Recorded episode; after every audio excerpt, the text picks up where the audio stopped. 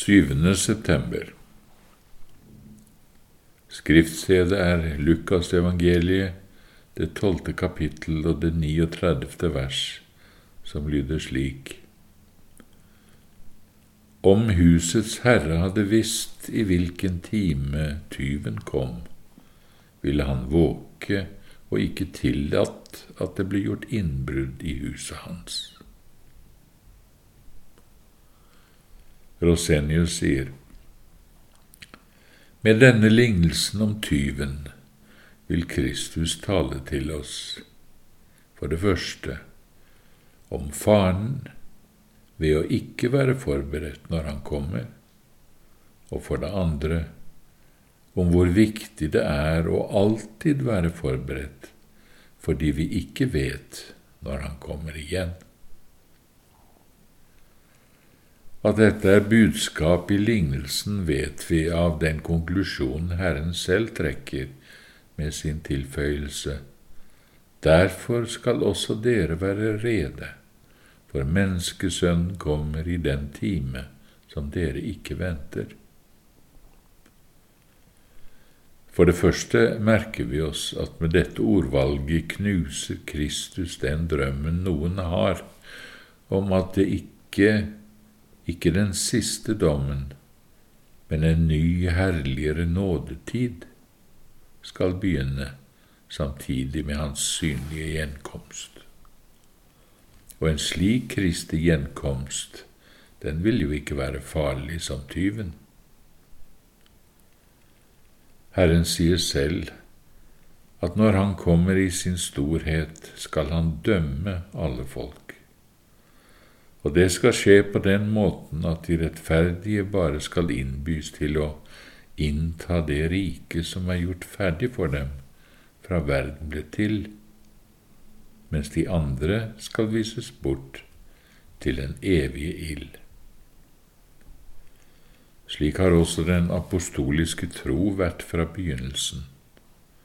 For opp til himmelen, skal derfra komme igjen for å dømme levende og døde. Når Kristus kommer igjen, synlig i skyen, da kommer han for å holde den siste dom. De kan være både lærde, fromme og menere så vel, disse som forsøker å overse eller bortforklare de mange og tydelige utsagnene fra Kristus selv. Men her, som overfor all annen bortforklaring av Kristi ord, må vi frimodig forkaste slik utleggelse. På samme måte knus, knuser denne teksten også en annen drøm som lettsindige sjeler trøster seg til, den at om vi ikke her i livet har fått det rette forholdet til Gud, så skal det likevel kunne skje etter døden at det også i åndeverdenen skal være en nådetid. Hvis dette var sant, ville jo ikke Kristus lagt så alvorlig inn over oss dette å være forberedt når Han kommer. Og da ville det jo vært helt meningsløst når Skriften sier i dag, i dag om dere hører Hans røst. Se nå er det den velbehagelige tid. Se, nå er frelsens dag. Herren Kristus lærer altså at når Han kommer, enten i vår død eller i sin egen synlige åpenbarelse, da er det slutt på nådetiden. Da gjenstår bare den avgjørende dommen og evigheten. Vær derfor beredt når Menneskesønnen kommer, sier han. Forberedt, ferdige, for da å gå inn med ham til bryllupssalen. De som da ikke er beredt, som da har olje, som ikke har olje på lampene sine, men nå først forsøker å skaffe seg det, de blir utestengt for evig. Dette lærer Herren selv oss i Matteus 25. De unge jomfruene ropte og ba, Herre, Herre, lukk opp for oss. Men nei, nå var det ingen nåde å få. Det var slutt på nådetiden. Derfor tilføyer Herren også der, våg derfor, for dere kjenner verken dagen eller timen for menneskesønnens komme. Og er det sant det Herren sier her, at det for evig er slutt med all nåde når Han kommer, eller når Han kommer til oss i døden, og at det mennesket går fortapt som ikke da er beredt?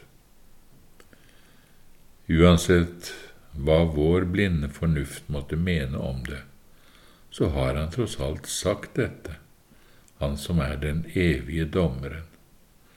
Og hvem skulle jeg tro på mer enn han?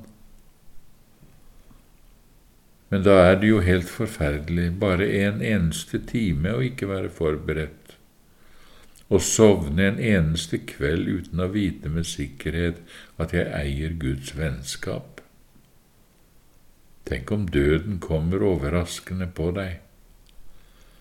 Den kommer jo ofte som en tyv om natten, så du ikke mer våkner opp i dette livet.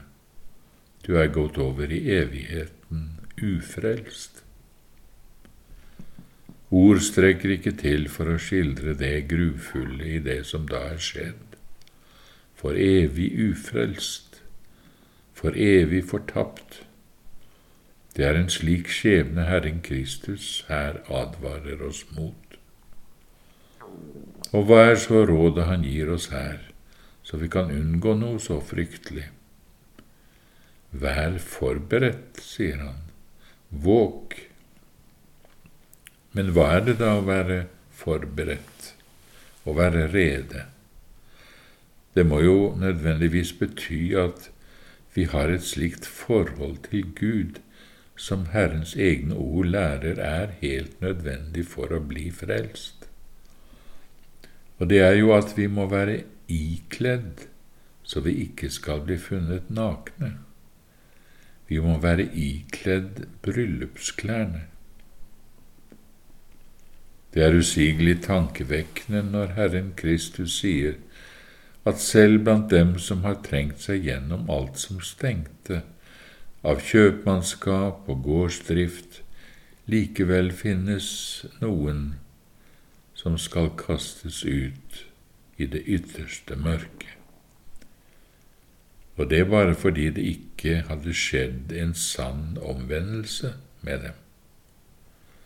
De hadde ikke blitt fullstendig avkledd og fratatt all trøst i sin egen kristendom, så de var blitt helt avhengig av Kristi rettferdighet og evangeliets ord om ham.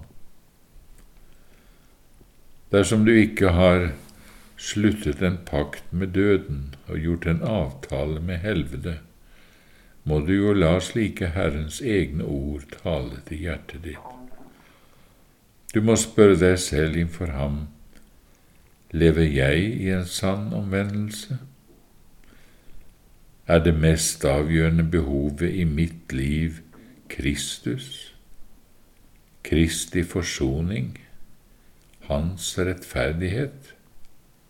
slik at jeg ikke bare forstår og vet at alt skal det være, men virkelig lever i dette, så at min syndenød driver meg til å tvette mine klær i lammets blod. Kjære sjel, har du det slik, da bøy deg for Gud og tilbe, for da er du virkelig kledd i bryllupsklærne.